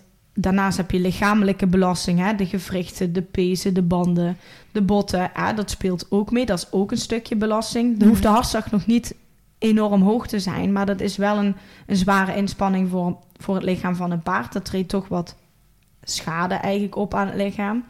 En dat heeft tijd nodig om te herstellen. En de laatste is iets wat heel vaak wordt vergeten. En dat, wat ik ook heel belangrijk vind, dat is de mentale belasting. Ehm, want stress en spanning, ook al is je paard een binnenvetter en merk je er helemaal niks aan, uh, dat kost allemaal echt wel energie voor een paard. Dus al die drie, drie, dingen kosten energie van het lichaam van je paard. Ehm, en die energie moet terugkomen. En die moet eigenlijk gewoon opladen. En dat lichaam moet zich weer kunnen herstellen. Dus um, daarom zeg ik altijd drie dagen voor en drie dagen na een wedstrijd. Uh, of uh, bij een springtraining, uh, een galoptraining. omdat dat wat meer met zich meebrengt. En bij een wedstrijd zit je vaak ook met wat spanning. Um, vooral als je kijkt naar dressuurpaden bijvoorbeeld. Hè, die, die dressuurtrainingen zijn vaak, of dressuurwedstrijden zijn vaak ook um, ja, stressvol, zeg maar. Ja. Ehm, en dat wordt vaak vergeten. Dus een paard moet mentaal ook fit blijven, zeg maar. Dus dat is misschien ook wel een stukje wat ik er ja, wat ik ook doe eh, indirect, omdat dat toch met elkaar te maken heeft. Mhm. Ehm, en als je dan kijkt naar een crosswedstrijd, dan spreek je over tempering. En dat is misschien een begrip wat niet heel bekend is. Uh, maar dat houdt eigenlijk in dat je uh, voor en na een crosswedstrijd minimaal zeven dagen tot tien dagen herstel moet aanhouden oh, bij je paard. Dat is best wel veel dan. En nu denk je, als ik elk weekend wedstrijd heb, hoe dan? Ja. ja, eigenlijk. Ja, maar op zich is dat, want ik snap wat je bedoelt, maar bijvoorbeeld dressuur is natuurlijk anders. Want dan kan je nog wel redelijk elke week op wedstrijd gaan. Ook al hoef je er mij voor echt niet voor te bellen. Maar eventing doen bijna niemand in de wat hoger in ieder geval. Die gaat echt niet elk weekend op eventingwedstrijd. Um, nou ja, ik moet heel eerlijk bekennen dat ik het wel steeds vaker voorbij zie komen. Als oh, ik het in de breedsport bijvoorbeeld ook kijk. Kijk, de ruiters die ik begeleid, die zijn heel braaf en die, die sturen mij voordat ze zich inschrijven hun uh, schema door van uh, vind je dit te veel of te weinig of Hè, waar kan ik in, in, in schrappen of welke kan ik doen? Oh ja, want de mensen die ik ken of volg, die kijken inderdaad in het begin van het jaar op de ja. eventingkalender. En die kiezen de wedstrijden uit die ze willen. Ja, ook omdat uh, ze kiezen ze uit van nou, wat is fijn om te rijden. Maar ook dat je daar de, de training dus op kan aanpassen. Precies, precies. En, en dat is wel een uitdaging bij de eventing je weet eigenlijk als eventingruiter dat als jij je um, seizoen ingaat, dat je weinig ruimte hebt om echt jouw paard fysiek te trainen. Dus je galoptraining doen. Er zal altijd wel een week zijn dat je dat wel kan. Maar als mhm. je nagaat, 7 tot 10 dagen. Hè? Dus voor sommige paarden is het wel is het 10 dagen. Ja, ehm, dat is gewoon, dat, daarom noemen we het bij de eventing ook, we trainen naar, naar het seizoen toe. Omdat je dus als je het seizoen begint, wil je niet nog heel veel galoptrainingen moeten doen om dan maar te zorgen dat je paard helemaal op en top fit is. Eigenlijk is het dan te veel juist voor hem. Ja, ja, ja. En dat is, ja, wedstrijdfrequentie vind ik sowieso altijd wel interessant dingetje. Ehm, maar bij de eventing moet je daar meer op gaan letten. Want is dat dan bijvoorbeeld wat je nu zegt? Bij eventing heb je dan het is outdoor seizoen. Nou, mhm. dan begin je meestal in, in januari, februari met trainen richting het seizoen. Uh, nou, dan is het seizoen afgelopen in oktober zoiets. Nou, dan hebben ze meestal november, december een beetje vrij ook. Mhm. is, is, dat dan juist goed? Bijvoorbeeld even twee maanden rustig aan, dan richting trainen en dan zo'n seizoen? Of zou je bijvoorbeeld zeggen, juist bijvoorbeeld meer met dressuur of zo of springen, dat je dat meer over heel het jaar verspreid hebt en dan ook misschien meer weer rust tussendoor? Of maakt dat eigenlijk niet uit? Ehm, ik denk, eh, ja, in die zin zou ik het misschien beter vinden hoe het in de eventing gaat. Waarom? Omdat je paard wel meer tijd krijgt om zowel fysiek als mentaal te herstellen. En tuurlijk, hè, door de zwaarte van de wedstrijden is het gewoon zo dat, dat je paard meer herstel nodig heeft. En de dagen herstel van tevoren, die zorgen er eigenlijk voor dat je paard fit is op het moment dat hij fit moet zijn. Want dat Mhm. is, hè, ook als ik een schema maak, dan, dan het eerste wat ik vraag is: wanneer heb je wedstrijd? Ja. En je traint naar je wedstrijden toe. Dus als jij heel veel wedstrijden inplant en vervolgens een schema krijgt met heel weinig galoptrainingen bij wijze van spreken, Ja. dan moet je niet raar opkijken, want dat heeft een verklaring. Ja. En ehm, ik ben dan ook wel eerlijk daarin dat ik vaak wel aangeef van ik zou misschien niet dit op die manier doen. Ehm, want het kan ook te veel zijn. Ja. Dus ehm, ja. Duidelijk. Ehm, en, en wat, en wat eh, als je... Kijk, ik rijd niet zo heel veel wedstrijden. Ehm, ik zit nu wel van, oké, misschien moet ik jou straks eventjes... eh dus moet ik zelf eerst even in de kalender kijken... welke wanneer wil ik op wedstrijd gaan? Dat maakt het voor jou waarschijnlijk iets makkelijker om een schema te maken. Maar al, al zou bijvoorbeeld iemand geen wedstrijden rijden... of inderdaad Mhm. zoals ik echt maar één keer in de drie maanden of zo...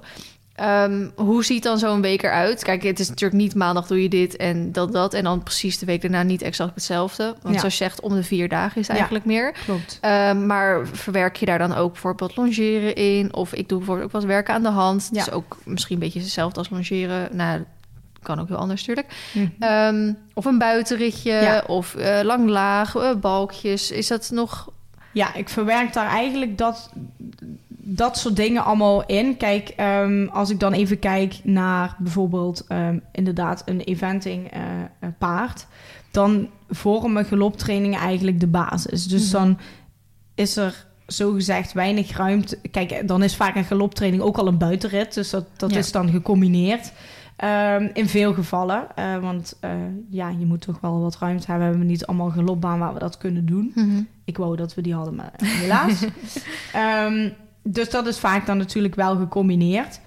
Maar als ik het heb bijvoorbeeld over een recreatieruiter of ehm, ook een dressuurruiter of een springruiter, dan ga ik echt heel erg kijken naar variatie in de training. Dus dan is het niet zo dat je per se in een schema krijgt met die dag moet je deze galoptraining doen met zoveel minuten en dit en dat. Maar dan krijg je vaak van mij ehm, een aantal trainingen die je kan doen op intensieve dagen en een aantal trainingen die je op hersteldagen kan doen of eventueel matige trainingen zijn nog toegevoegd afhankelijk van ja. je doel en de planning.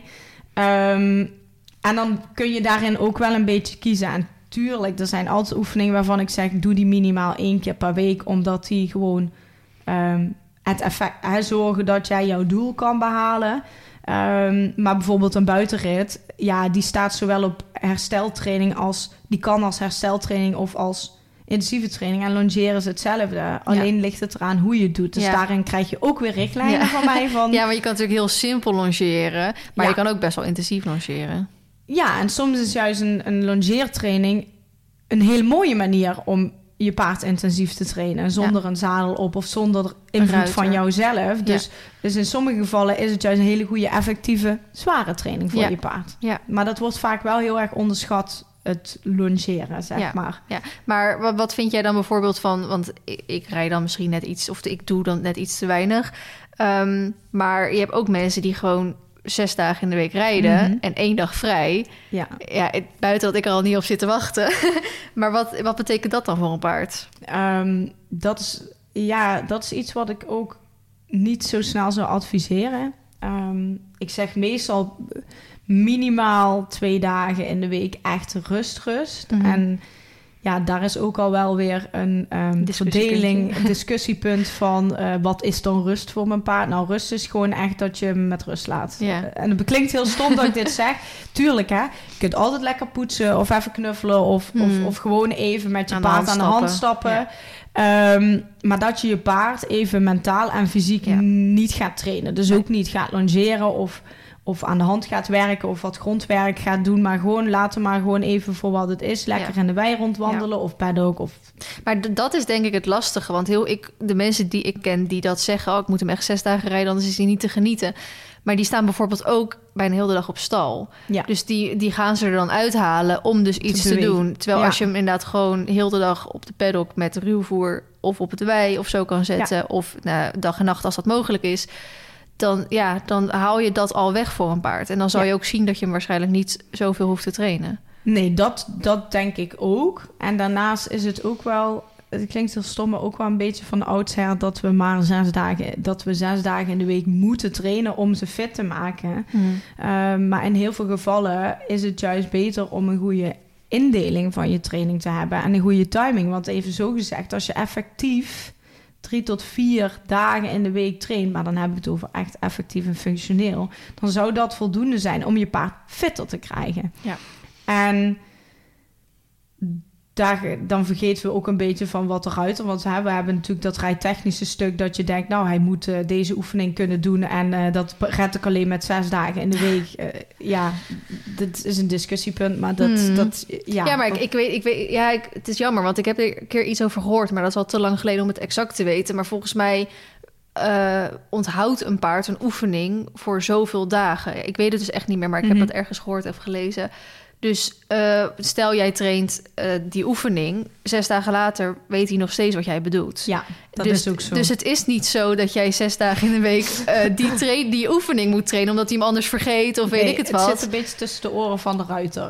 het is ook vaak dat misschien dat wij hem vergeten. Hetzelfde met dat je een, je proef de dag van tevoren wil oefenen. oefenen ja. dat bedoel ik niet verkeerd, maar het oefenen van de proef gaat echt 0, niks bijdragen aan de fitheid van jouw paard tijdens wedstrijd. Sterker nog, zorgt er eigenlijk alleen maar voor dat je paard minder fit is op wedstrijd. En dat is zonde. Dus ik zeg altijd tegen iedereen: nou, als je zo graag die proef wil oefenen, ga je maar zelf lopen in de bak en dan ga je maar zelf lopen.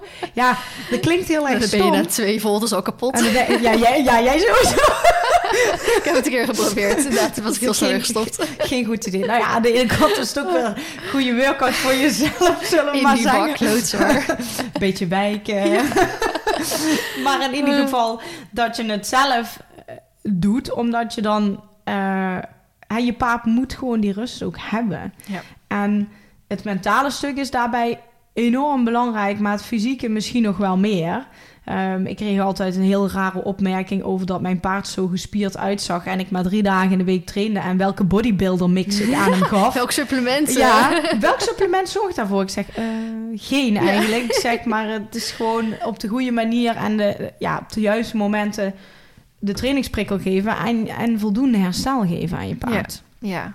Oh, dat vind ik echt een goeie dat je dat zo vertelt. Ja. Hey, voordat we naar de vragen toe gaan. Um, want wat ik bijvoorbeeld interessant vind, is dat ik wel door jou uh, onder andere getriggerd ben. Om dan bijvoorbeeld ook zelf een hartslag meter, zeg je dat zo, mhm, ja. uh, aan te schaffen. Uh, wat voor soorten zijn er? Of adviseer je ook mensen om dat zelf te doen? Of denk je, joh, dat is helemaal niet nodig? Of... Um, ligt aan de situatie. Um, voor de eventing adviseer ik meestal wel om een eigen hartslagmeter aan te schaffen.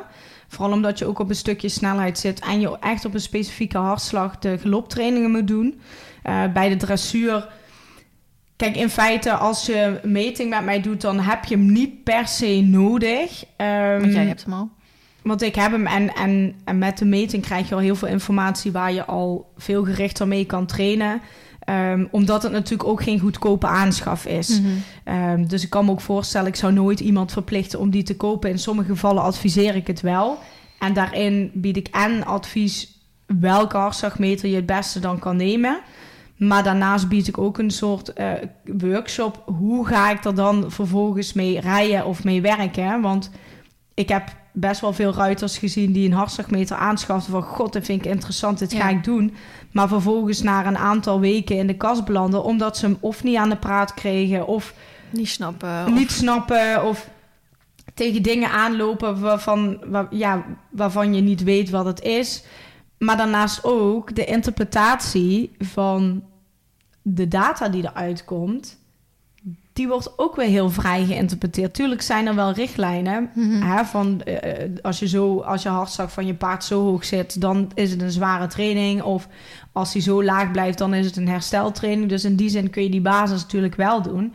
Maar um, ik heb gemerkt dat ook het interpreteren van die data op eigen houtje soms juist meer kwaad kan doen dan goed, mhm. omdat je ja, dat toch anders naar kijkt. Ja, de kennis ehm, eromheen dan mist. Ja, ja, maar ik adviseer inderdaad wel um, verschillende ja, ruiters van welke hartslagmeter kun je nu het beste aanschaffen. En is het wel hè, ik, kan, ik kan soms ook eerlijk zeggen en aangeven... nou, ik zou eerder een één meting doen... dat we even kijken van wat komt eruit... en is het inderdaad voor jouw doel en, en voor hetgeen um, wat je paard laat zien... rendabel en waardevol om het te doen... Mhm.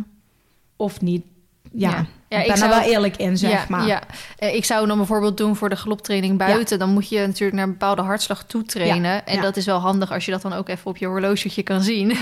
Met, oh, zit ik Want soms dan denk je, oh, we gaan nu echt lekker. En dan, is, dan zit je er nog helemaal niet. En dan verbeter je misschien ook niks. Nee, precies. Dus dit dat is een combi. Of dat je bij, na zo'n conditietest hebben we ook altijd een, een vaste snelheid. Waarvan ik dan wel weet van oké, als je hè, zeg maar een duur galoptraining doet, moet je op hartslag X zitten. Dan moet je dit, daar hoort snelheid X bij. Nou ja, dan mhm. kun je natuurlijk ook op snelheid trainen als je een snelheidshorloge hebt. Mhm.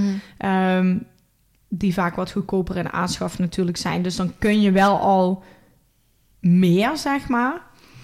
Maar voor de eventing, ja, ben ik heel eerlijk, zou ik het altijd zou ik eigenlijk voor galoptrainingen zou ik niet zonder hartslagmeter doen. Want dan weet je niet of het nou een snelheidstraining is of dat het een duurtraining is.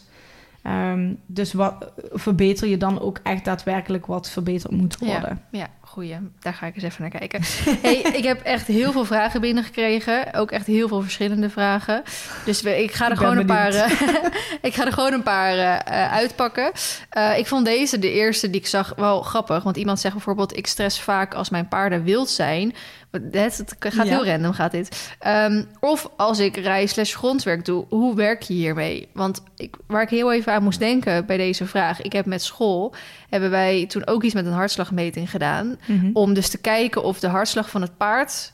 Uh, van invloed is van de hartslag van de ruiter. Ja. En hoe deden wij dat? We liepen, lieten iemand nou, met hartslagmeter mhm. omlopen... met dat paard door de bak heen... Nou, dan meet je dat. En dan hadden we een paraplu. Mhm. En toen zeiden we, we gaan nu de paraplu openslaan. En dan, dan, dat paard weet dat natuurlijk niet. En de ruiter denkt, oh shit, wat, hoe gaat dat paard reageren, bla, bla. Ja. Maar wat deden we? We deden dus niet de paraplu open.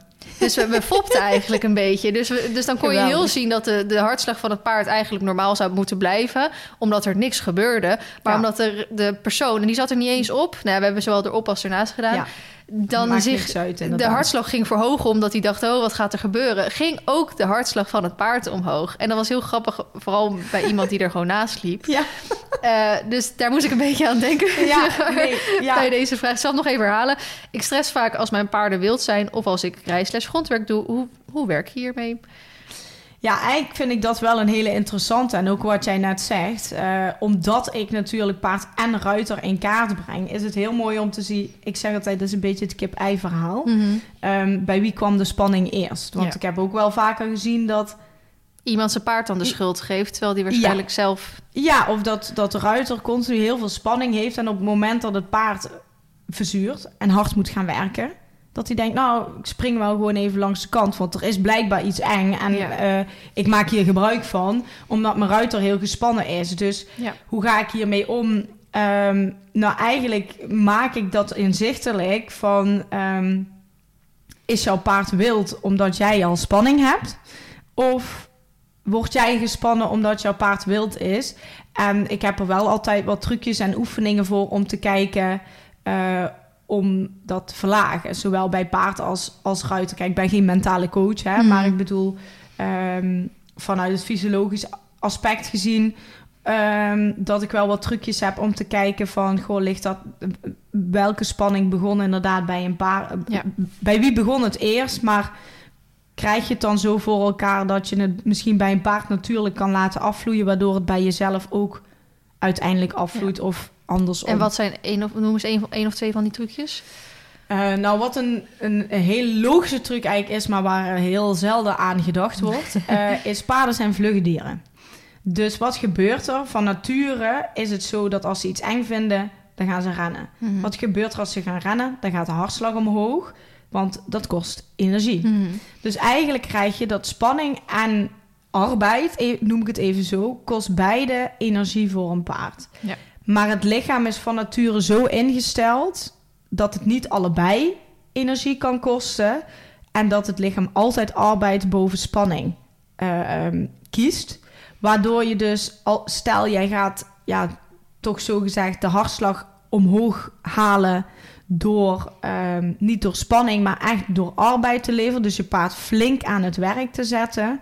Dan gaat, die, dan gaat van nature die spanning afvloeien puur omdat ze aan het werk gezet worden. Oh, ja. Kijk, en de vraag is natuurlijk wanneer doe je dat voor je paard? En dat is dus wat we dan tijdens zo'n meting gaan uitzoeken. Uh, maar dat is eigenlijk een heel logisch voorbeeld wat in de natuur dus paarden van zichzelf doen. Mm maar wat wij vaak paarden niet toelaten om te doen, zeg maar. Ja, ja precies. Um, welke problemen of struggle kom je het meeste tegen waar paard en ruiter tegenaan lopen? Um, het, ja, dat is een, best wel een hele goede vraag. Maar ja, wat ik vaak zie is bijvoorbeeld dat uh, paarden een dressuurproef uh, niet doorkomen. Dus dat ze te moe zijn. Uh, bij koudbloedpaarden dat ze over het algemeen heel snel overtraind zijn. Dus mhm. dat daar daardoor ook best wel wat gezondheidsproblemen uitkomen. Um, die lopen al 1-0 achter, maar dat zijn ook hele werkwillige paarden. Dus ik zie eigenlijk best wel heel veel verschillende problemen. Um, bij de een zie ik dat ze juist te zwaar trainen. En bij de ander zie ik juist dat ze weer te lang of ja, te, te weinig trainen. Dus dat ze niet de juiste intensieve trainingsprikkel geven. Waardoor je dus ook vaak een fris paard krijgt. Want ze kunnen energie niet kwijt. Want je geeft geen trainingsprikkel om die energie zeg maar ook kwijt te kunnen. Ja, dus ja, ja ik kan, ik kan denk ik nog de hele dag doorgaan met een lijstje met veel voorkomende problemen. Maar dit zijn misschien wel um, uitdagingen mhm. waar um, veel ruiters tegenaan lopen. Wat denk ik ook het meest herkenbaar is. Ja, Um, we gaan even maar een paar vragen doen, want we zitten al op een uur en twintig minuten. En ik moet eigenlijk zo weg. En ik denk, ja, we zijn lekker aan het kletsen. En wij nog denken dat we geen ja. uur vol En uh, ik denk, want ik heb veel vragen binnen die ik interessant vind om te behandelen. Maar ik denk dat het misschien leuk is om bijvoorbeeld over, een, als ik met Mar nu ga trainen, mm -hmm. dat we misschien over een halfjaartje of zo dan um, nog een keer doen. Om sowieso de dingen te bespreken die ik heb geleerd en Mar mm -hmm. heeft geleerd als. Um, nou, weer andere vragen ja, voor mensen. Zeker. Dat is misschien wel interessant om even te doen. Uh, maar deze vond ik ook even goed, want die hebben we net een beetje geskipt. Wat kun je doen voor je eigen conditie, dus tijdens het paardrijden? Of wat, hoe ziet dus mm -hmm. een... Uh, want jij zegt dat je het niet alleen ruiter... niet alleen paard, maar ook ruiter een plannetje voor maakt. Ja. Wat, wat, zijn dan dingen voor de ruiter wat hij ja. kan doen? Um, ik maak, ja, ik, ik, ik, maak dat natuurlijk zelf. Maar daarnaast heb ik ook wel een hele fijne partner... waar ik, uh, waar ik regelmatig mee, mee spar natuurlijk... Mm -hmm. Um, en voor de ruiter is het een beetje verschillend. Want dat is eigenlijk bij paarden precies hetzelfde. Van, heb jij meer uithoudingsvermogen nodig... om bijvoorbeeld ook langer te kunnen paardrijden? Mm -hmm. Of heb je juist wat meer kracht en balans nodig? En vaak is het wel een combinatie van... Hè, kijk, als je, als je kijkt naar uithoudingsvermogen... dan, uh, dan kun je prima gaan hardlopen. En oké, okay, ja, soms is dat niet leuk... maar dan proberen we het een beetje leuk te maken... Um, en als je met kracht te maken hebt, dan heb je natuurlijk ook specifieke oefeningen die je dan kan doen. Uh, die kun je ook in de sportschool in feite doen.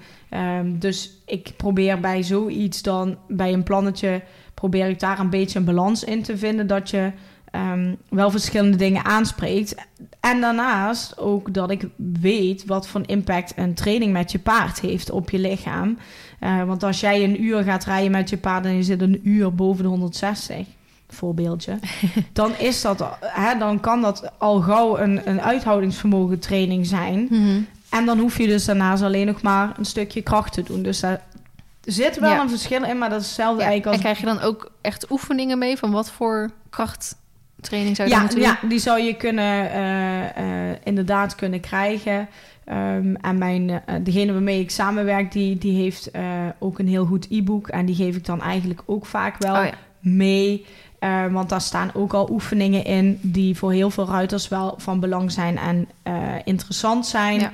Um, en kan je dat dan prima thuis doen of is het handig om een sportschoolabonnementje te nemen? Je kunt het ook thuis doen in feite. Kijk, uh, sportschool, ja, voor de een werkt het heel goed om zo'n stok achter de deur te hebben van ik heb een abonnement, dus ik moet er wel wat mee doen. Hmm. Maar voor anderen werkt het juist als een, juist averechts Ehm, want ik moet naar de sportschool toe. En als ik het thuis doe, dan kan ik dat gewoon doen wanneer het mij uitkomt. En dan, weet je, dus daar, Hmm. dat werkt denk ik per persoon ook wel verschillend. Ja.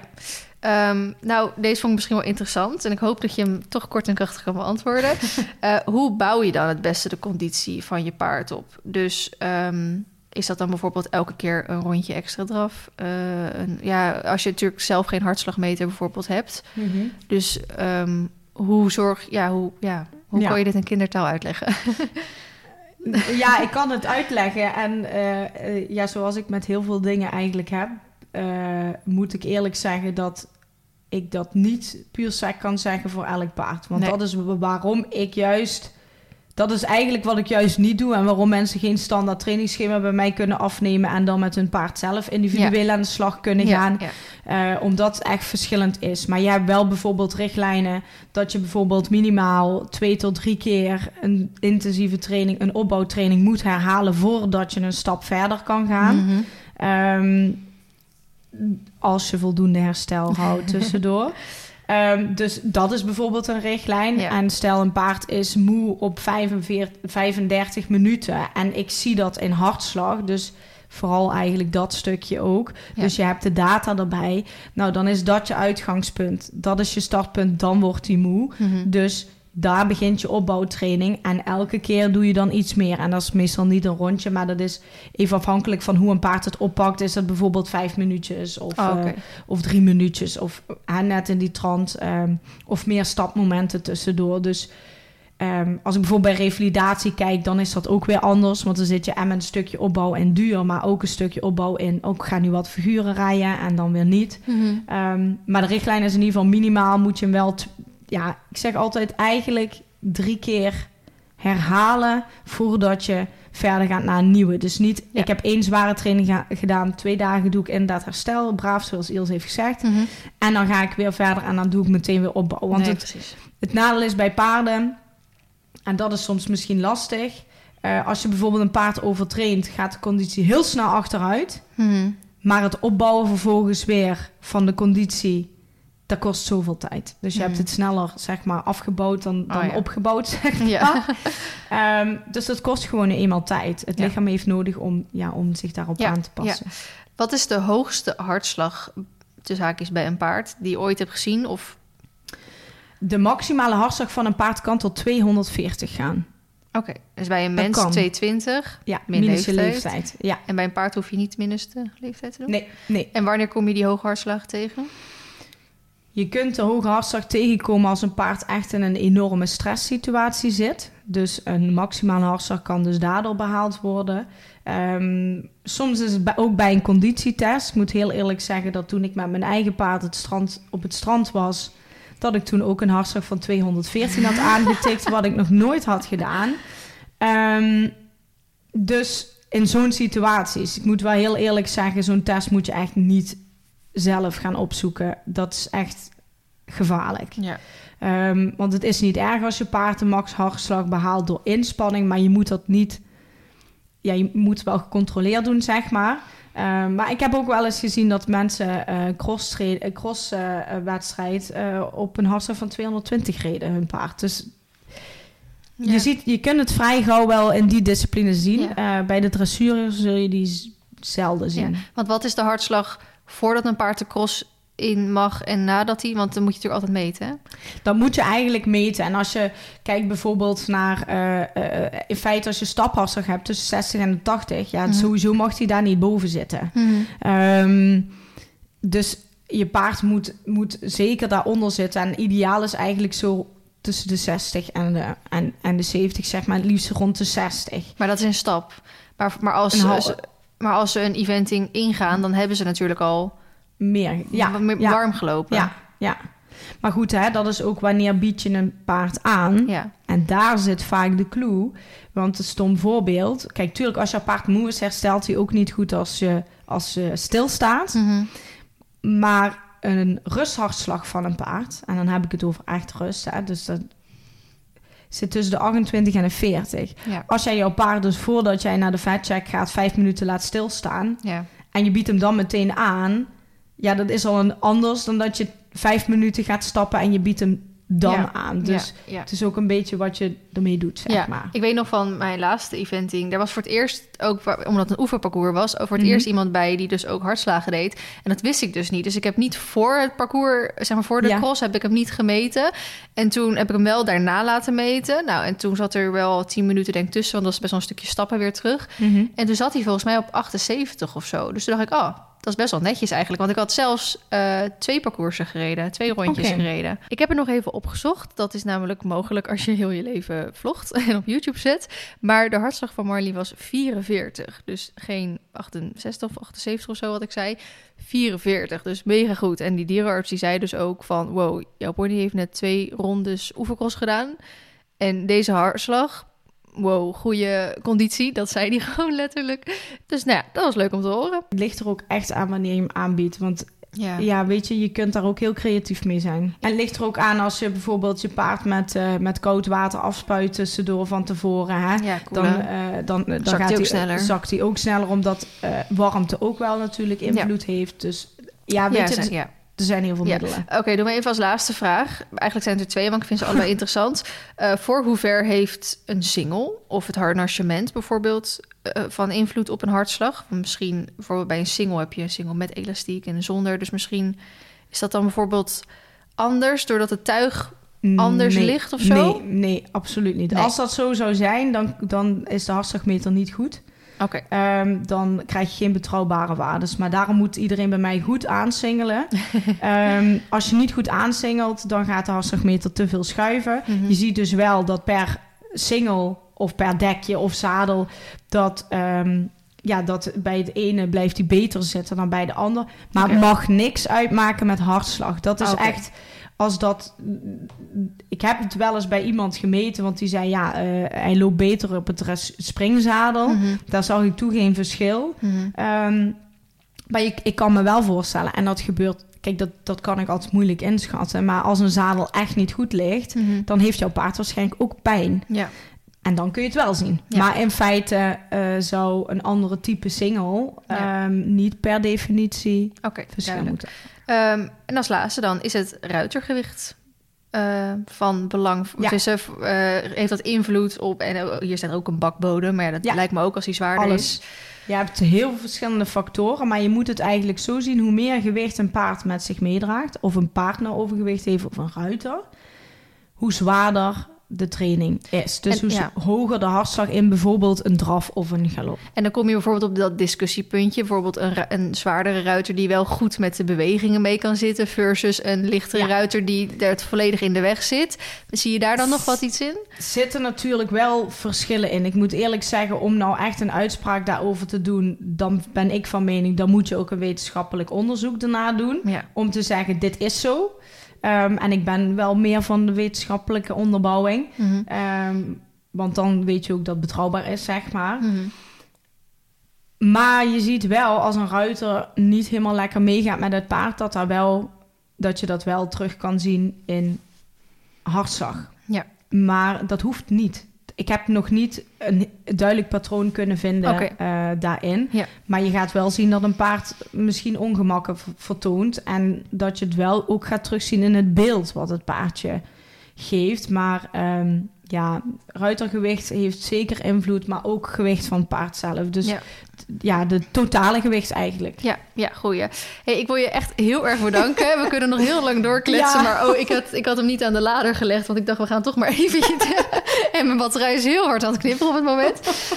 Um, ik, nou, wat ik zei, ik stel voor om gewoon over een half jaar of zo nog een deel 2 uh, eh, te doen. Dat doe ik wel vaker met interessante gasten, dus dat is ook heel leuk om te gaan doen. Uh, mochten mensen meer informatie over jou weten, over wat je doet weten, waar kunnen ze jou vinden? Um, ze kunnen natuurlijk op mijn website kijken, www.horsebeat.nl. Mm -hmm. uh, heel simpel.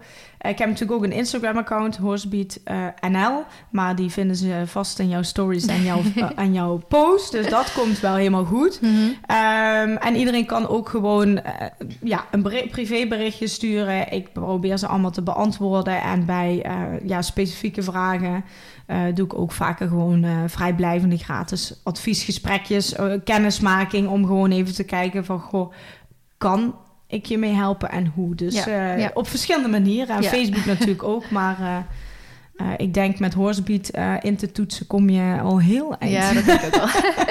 nou, nogmaals bedankt. En ik spreek je dan maar ook, nou, privé gewoon wat vaker, maar over de podcast over een half jaar.